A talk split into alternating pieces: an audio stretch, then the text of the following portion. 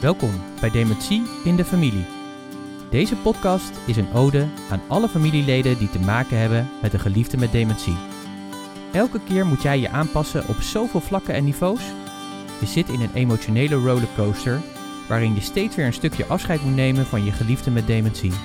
En daarom vinden we jou een held. Ga maar aan staan. Deze podcast is er speciaal voor jou. Om je te inspireren, motiveren met tips en tricks, het echte verhaal, zowel de pijn als de humor, maar vooral een plek van herkenning. Fijn dat je er bent en luistert.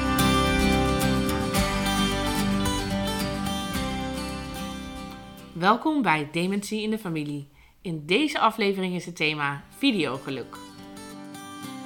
Fijn dat je weer luistert naar een aflevering van de Dementie in de Familie podcast. Nou, we zitten een beetje in de vakantieperiode, dus eh, dat is altijd fijn, want dan, eh, ik weet niet hoe het voor jou is, maar ik vind het dan altijd leuk om dan wat meer podcasts te luisteren. Dus eh, voor degenen die nieuw zijn, van harte welkom als je deze podcast hebt gevonden. En voor degene die al vaker de podcast luistert, fijn dat je weer... Fijn dat je weer terug bent. Nou, zo is het, zo is het. We beginnen altijd deze podcast met de dementiemomenten van de week. En van de week werd ik gebeld door de communicatieafdeling van het verpleeghuis waar mijn vader zit. Want zij hebben een tijdje geleden met alle verpleeghuizen in de regio een brandbrief naar Den Haag gestuurd. Omdat uh, Den Haag, en dat is natuurlijk even de vraag nu het kabinet gevallen is, hoe dat eruit allemaal gaat zien. Maar eigenlijk heel erg bezuinigd op onder andere de verpleeghuiszorg. En dat heeft natuurlijk effect. Hè? Dat, uh, dat merken wij ook. Ik zit in de cliëntenraad van het huis van mijn vader. Dus er zijn al trajecten bezig om te bezuinigen door efficiënter en effectiever te gaan werken. Het wordt natuurlijk wel een spanningspunt. En dat merken wij natuurlijk ook, dat je ook als familie steeds meer ontdekt dat ook uh, de zorg, ja, dat er een grotere druk op komt, maar daardoor dus ook een grotere druk op ons als familie.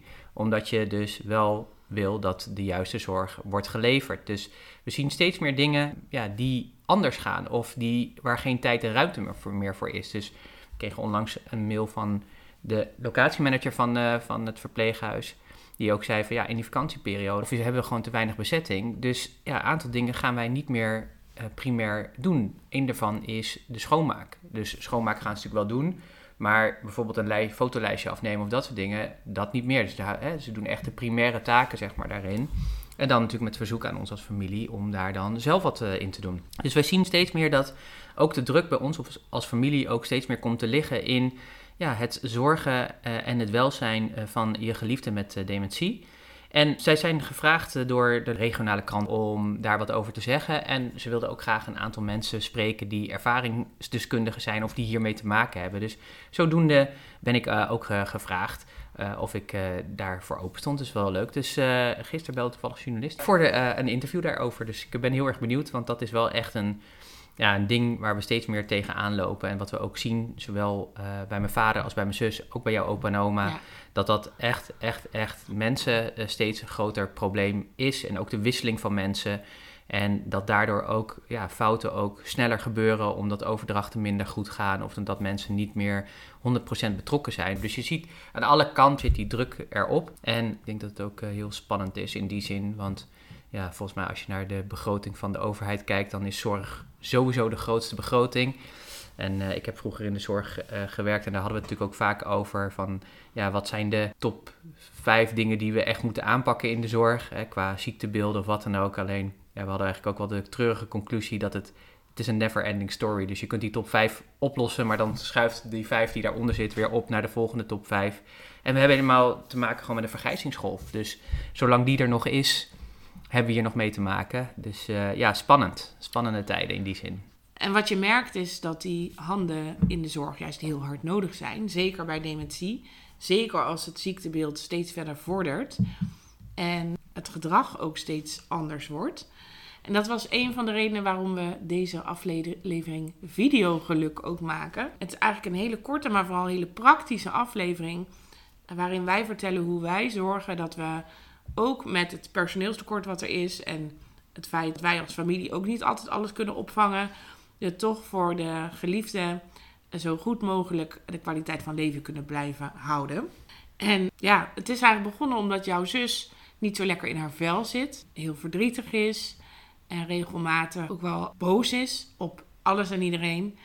En wij als familie kunnen niet de hele tijd de telefoon opnemen. Met jouw zus kunnen we ook niet echt heel goed meer bellen Videogebellen gaat ook steeds minder goed voor haar. Kunnen niet altijd langskomen. Zeker aangezien wij ook op afstand zitten. Dus we moesten een oplossing vinden om toch ook voor de zorg, zorg te kunnen regelen dat zij iets konden doen waardoor uh, jouw zus eigenlijk uh, weer opgevrolijkt kan worden.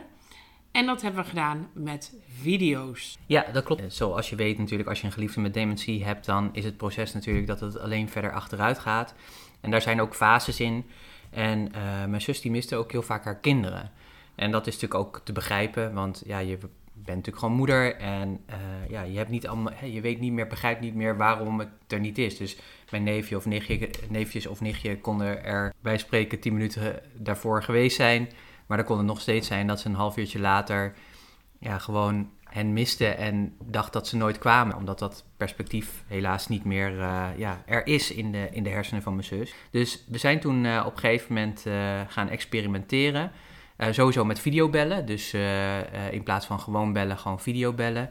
Dat hebben we een tijdje gedaan. Maar op een gegeven moment merkten we ook dat voor mijn zus dat steeds ingewikkelder is. Omdat zij ook niet meer wist hoe ze dat, zeg maar, als er werd gebeld, hoe dat aan moest. Dus we hebben nu bijvoorbeeld de afspraak dat als we bellen, dat we dan eerst de afdeling bellen en dan vragen of een, een verzorgende even kan helpen bij het bellen. Nou, dat uh, gaat eigenlijk heel erg uh, goed over het algemeen, dus dat is heel fijn. En andersom ook, dus als mijn zus wat onrustig of verdrietig is, ja, dan probeer te kijken of ze bijvoorbeeld mijn moeder kan bellen. En dat doet dan vaak ook de verzorgende die dan samen met mijn zus dan even belt. En ja, ik moet ook echt zeggen, dat zijn ook echt maar ja, nog geen, nog geen twee, drie minuten soms. dat kan al veel zijn. Uh, maar het feit zeg maar, dat ze dan even je ziet of gewoon die erkenning heeft, dat kan uh, heel erg helpen. Soms gaat er gewoon een tijd goed, dan is die behoefte er minder. Maar nu, de laatste tijd, was juist die behoefte wel weer aanwezig. En het is soms ingewikkeld omdat je niet altijd bereikbaar kan zijn. We werken allemaal. Mijn moeder die heeft ook een drukke daginvulling, ook met de zorg voor mijn vader. Dus die is daar dan weer vaak. Het komt gewoon vaak ook niet handig uit. Ehm, maar we merken wel dat die onrust dan wel steeds groter kan worden. Oh ja, en wat we merkten, zeg maar, is dat door dat, uh, door dat bellen, dat ze daardoor uh, wat rustiger werd. En dat het haar hielp. Maar wat ik net al zei, omdat we niet altijd beschikbaar zijn, lukt het ook niet altijd om op de momenten dat zij het nodig heeft, om dan ook die rust te kunnen bieden. Dus toen zijn we begonnen een tijdje geleden met een filmpje van een van haar kinderen, omdat we die het meeste misten. En dat werkte eigenlijk heel erg uh, goed. En van de week kregen we eigenlijk bericht dat mijn zus weer in zo'n fase zit waar het soms wat moeilijk is.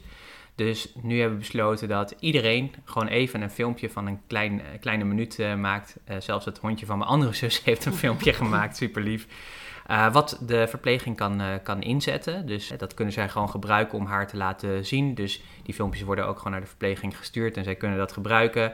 En mijn zus die krijgt een tablet ook om beter te kunnen videobellen, want dat is wat groter dan het kleine schermpje van de, van, van de telefoon. Maar met die tablet, daar gaan we ook al die filmpjes opzetten, zodat ook de uh, verpleging ook dat kan gebruiken om haar wat rustig te houden. Of ja, niet rustig te houden, maar haar... Ja, weer even comfortabel te laten voelen, rust te stellen. En het mooie van zo'n video is, jouw zus heeft niet meer door of ze nou aan het videobellen is of niet. Dus ook al is er een filmpje van iemand die alleen maar lieve woorden tegen haar zegt, zij praat gewoon terug. En uh, zij gaat dan ook zeggen: Ik hou van jou en ik ben zo blij. Dank je wel dat je er bent. Dus dat geeft een enorm positieve boost. En ook al is het maar kortdurend, bijvoorbeeld omdat ze daarna weer um, iets anders ziet waardoor ze geraakt is, iedere keer weer uh, kun je dat filmpje inzetten. Ik weet dat ik een keer met jouw moeder bij jouw zus heb gezeten en we datzelfde filmpje nou echt in vijf minuten tijd drie keer hebben afgespeeld. En iedere keer weer was ze zo gelukkig toen ze het zag. Dat ja, zij wist ook helemaal niet dat ze dat al eerder had gezien. En eh, op deze manier konden we haar ook uit haar ja, verdrietige fase helpen op dat moment. Dus uh, nou, iedereen een filmpje. Wat, wat zeggen we dan? Hele simpele dingen. Hallo, uh, ik wilde je even bellen. Hoe gaat het met je? Met mij gaat het heel goed. Ik ben heel blij, want. En eigenlijk gewoon iets vertellen over hoe het met ons gaat. En uh, waarom we haar zo lief vinden. En dat we zo blij met haar zijn. En dat we zo trots op haar zijn. En dat is zo'n positieve boost. Dat haar dag, of eigenlijk haar minuut op dat moment, uh, weer goed is. En ja, het kan soms zijn dat je het vaker moet afspelen als verzorging bijvoorbeeld, of voor ons als familie. Maar het helpt wel echt heel erg. Dus wellicht het ook voor jou als luisteraar een hele goede kan zijn om op deze manier uh, ook jouw geliefde uh, weer rustig te kunnen krijgen. Ja, en je ziet dus hierin dat ja, het, is, het is echt een soort puzzel elke keer om te kijken van wat past er, omdat het elke keer ook verandert. En er zitten natuurlijk gewoon fases in. En ja, natuurlijk weten we gewoon dat het natuurlijk steeds verder achteruit gaat. Dat blijft natuurlijk. Maar daarin kun je natuurlijk ook weer met allerlei uh, suboplossingen toch het optimaal maken voor je geliefde. En het is best wel ingewikkeld hoor, want als je dat natuurlijk doet, ja, je kan natuurlijk ook denken, ja, dan zijn we daar gewoon aan het neppen, weet je, of aan het, hè, dat is eigenlijk ook niet echt eerlijk, of dat dan ding. Maar ik denk dat je daar een beetje overheen mag stappen, omdat het uiteindelijk gaat over, en dat hebben wij ook altijd gezegd, alles wat we doen gaat over het welzijn van onze geliefde met dementie. Het belangrijkste is dat mijn zus mag best wel verdrietig zijn, daar gaat het niet om. Maar wat er vaak gebeurd is, is omdat zij niet meer de balans kan houden, zoals jij en ik zeg maar nog wel... Emotieregulatie kunnen hebben. Ja. Precies, ja. Soms ook niet altijd, maar over het algemeen, over het algemeen hè, zijn wij in staat natuurlijk om op een gegeven moment onze emoties onder controle te krijgen. En dat is bij mijn zus niet meer zo, zeg maar. Dus zij blijft er dan ook vaak in hangen. En door letterlijk, en dat zie je natuurlijk ook wel, dat vind ik ook wel grappig natuurlijk bij kleine kinderen bijvoorbeeld, als die vallen bijvoorbeeld en die moeten heel erg huilen en je leidt ze meteen af, dan kan het ook zijn dat er meteen weer een lach ontstaat, zeg maar. En dat zie je bij mijn zus eigenlijk ook, dus dat is heel uh, primair. En op deze manier helpen we uh, mijn zus. We helpen onszelf, want het is, ja, we, we, kunnen niet altijd bereikbaar zijn. En het is soms ook best wel ja, pittig en confronterend om dan ook je zus aan de lijn te hebben. Of uh, voor de kinderen van mijn zus hun moeder. Of voor mijn moeder haar dochter, terwijl ze haar graag spreekt. Maar toch ook, ja, weet je, het, het, doet ook altijd iets van, ja, het raakt je natuurlijk ook als je iemand verdrietig ziet en je kan niet iemand uh, direct troosten omdat je er niet bent. Dus dat, dat ja, maakt het soms wat pijnlijk. Uh, dus daarmee helpen we. Uh, maar we helpen natuurlijk ook de verzorging. Want ja, als mijn zus elke keer in, in dat stuk blijft hangen, dan vraagt dat van hen ook veel meer zorg die zij moeten leveren. En wat we net al zeiden, die druk is gewoon heel erg groot. Dus ja, we proberen elke keer op deze manier met elkaar mee te bewegen om te kijken van ja, hoe kunnen we het voor ons allemaal zo goed mogelijk maken. Met het primaire doel natuurlijk, ja, onze geliefde uh, met dementie. Met zoiets simpels als eigenlijk gewoon een videootje opgenomen met je telefoon. Ja, weet je, dat is de zoektocht in het uh, doolhof van, uh, van, van de dementie. Om elke keer te kijken van, hé, hey, wat zou kunnen werken? Of wat is de behoefte die er is? En als je die niet direct kan voldoen, kun je het dan op een andere manier dezelfde uitkomst creëren. Het vraagt ook om een mate van creativiteit in die zin. En experimenteer er gewoon mee. Ja, uh, ja sommige dingen, dit werkt toevallig heel goed uh, bij mijn zus. Nou, dat is fantastisch. Het had natuurlijk ook een andere uitwerking kunnen hebben, dat ze misschien nog verdrietiger werd, ja. zeg maar. Hè? Dat had ook gekund. Nou, in dit geval is dat dan niet zo, dus dat is heel erg mooi. Dus het is ook een beetje zoeken naar wat werkt, wat werkt voor jouw geliefde. En in welke fase zit iemand en welk type dementie heeft iemand, want dat zal allemaal uitmaken. Maar hopelijk uh, zou het voor jouw geliefde ook een oplossing kunnen zijn. En alleen daarom al dachten we, ook al is het kort en praktisch, we gaan het toch gewoon vertellen. Uh, want uh, wij zijn allemaal druk bezig geweest met die filmpjes maken. Maar misschien is het voor jou deze week ook wel tijd om een, een videootje maken, te maken voor je geliefde. Nou, super fijn dat je weer geluisterd hebt. In dit geval naar een wat praktischere podcastaflevering van de Dementie in de Familie Podcast. Mocht je anderen kennen die ook te maken hebben met een geliefde met dementie, dan natuurlijk van harte uitgenodigd om deze podcast door te sturen. Uh, heb je een vraag aan ons of zou je graag een bepaald thema behandeld zien worden in uh, deze podcast, dan van harte uitgenodigd om ons daarover uh, over te berichten. Dat kun je doen door naar de website te gaan, dementieindefamilie.nl en daar het contactformulier in te vullen dan uh, ja, nemen we dat graag mee. Want we maken deze podcast natuurlijk voor jou, maar ook natuurlijk graag met jou. Dus van harte uitgenodigd om uh, ja, je vraag of je onderwerp uh, in te sturen. En dan, wie weet, pakken we dat op. En dan is jouw thema de volgende podcast misschien wel. Je kunt dit podcastkanaal volgen in Spotify of Apple Podcast. En dat gaat via de apps op je mobiele telefoon. Dus pak je telefoon er even bij. Zit je op Spotify, Kijk dan naar Dementie in de Familie. Klik op volgen links onder het plaatje van de Dementie in de Familie podcast. En als je dat gedaan hebt, ga dan naast het tandwieltje naar de drie puntjes. Klik daarop en klik dan op show beoordelen en geef dan 5 sterren. Ik zag gisteren dat al heel veel mensen dat gedaan hebben. En daar zijn we super blij mee. Maar de reden dat we dat blijven vragen is dat op deze manier ook steeds meer mensen onze podcast kunnen vinden. En dat Spotify denkt: ah, dit wordt goed beoordeeld. Die gaan we eventjes wat vaker laten zien. Als er gezocht wordt op dementie. Mocht je nou luisteren via Apple Podcast, dan kun je natuurlijk ook ons volgen en ons verder helpen met een recensie. Ga naar Dementie in de Familie. Rechtsboven zit een plusje. Als je dat aanklikt, dan volg je het kanaal. Super fijn, dankjewel. Als je dat gedaan hebt, scroll je naar beneden, kom je een aantal afleveringen tegen en de trailer. En daarna vind je beoordelingen en recensies. Hier kun je ook 5 sterren uitdelen. En uh, als je wilt, kun je daaronder ook een recensie schrijven. Nou, hoe meer mensen dit doen, uh, ja, hoe meer mensen ons kunnen vinden. En ons doel is natuurlijk om te zorgen dat meer mensen met een geliefde met dementie uh, ja, niet per se ons vinden, maar wel een plek vinden waar ze ja, uh, inspiratie kunnen halen, troost kunnen vinden en praktische tips kunnen vinden om om te gaan met deze emotionele rollercoaster. Dus uh, bij voorbaat al heel erg bedankt. Vind je dit nou iets te ingewikkeld? Dan kun je ons natuurlijk ook altijd gewoon een mailtje sturen. Dat kan door te mailen naar dementieinDefamilie@gmail.com. We maken deze podcast geheel vrijwillig. Mocht je deze podcast waarderen en zou je een financiële bijdrage willen leveren, dan kan dat.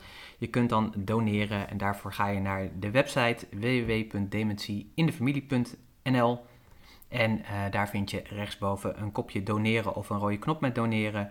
Klik daarop en dan heb je ook de informatie waarom we hierom vragen. En je kunt direct doneren. En alvast heel erg dankjewel voor je bijdrage. Daar zijn we heel erg blij mee. En natuurlijk voor meer informatie en inspiratie, kijk uh, gerust even op de Dementie in de Familie website. En dan willen we je heel erg bedanken dat je weer geluisterd hebt of geluisterd hebt. En spreek weer graag weer bij een volgende aflevering.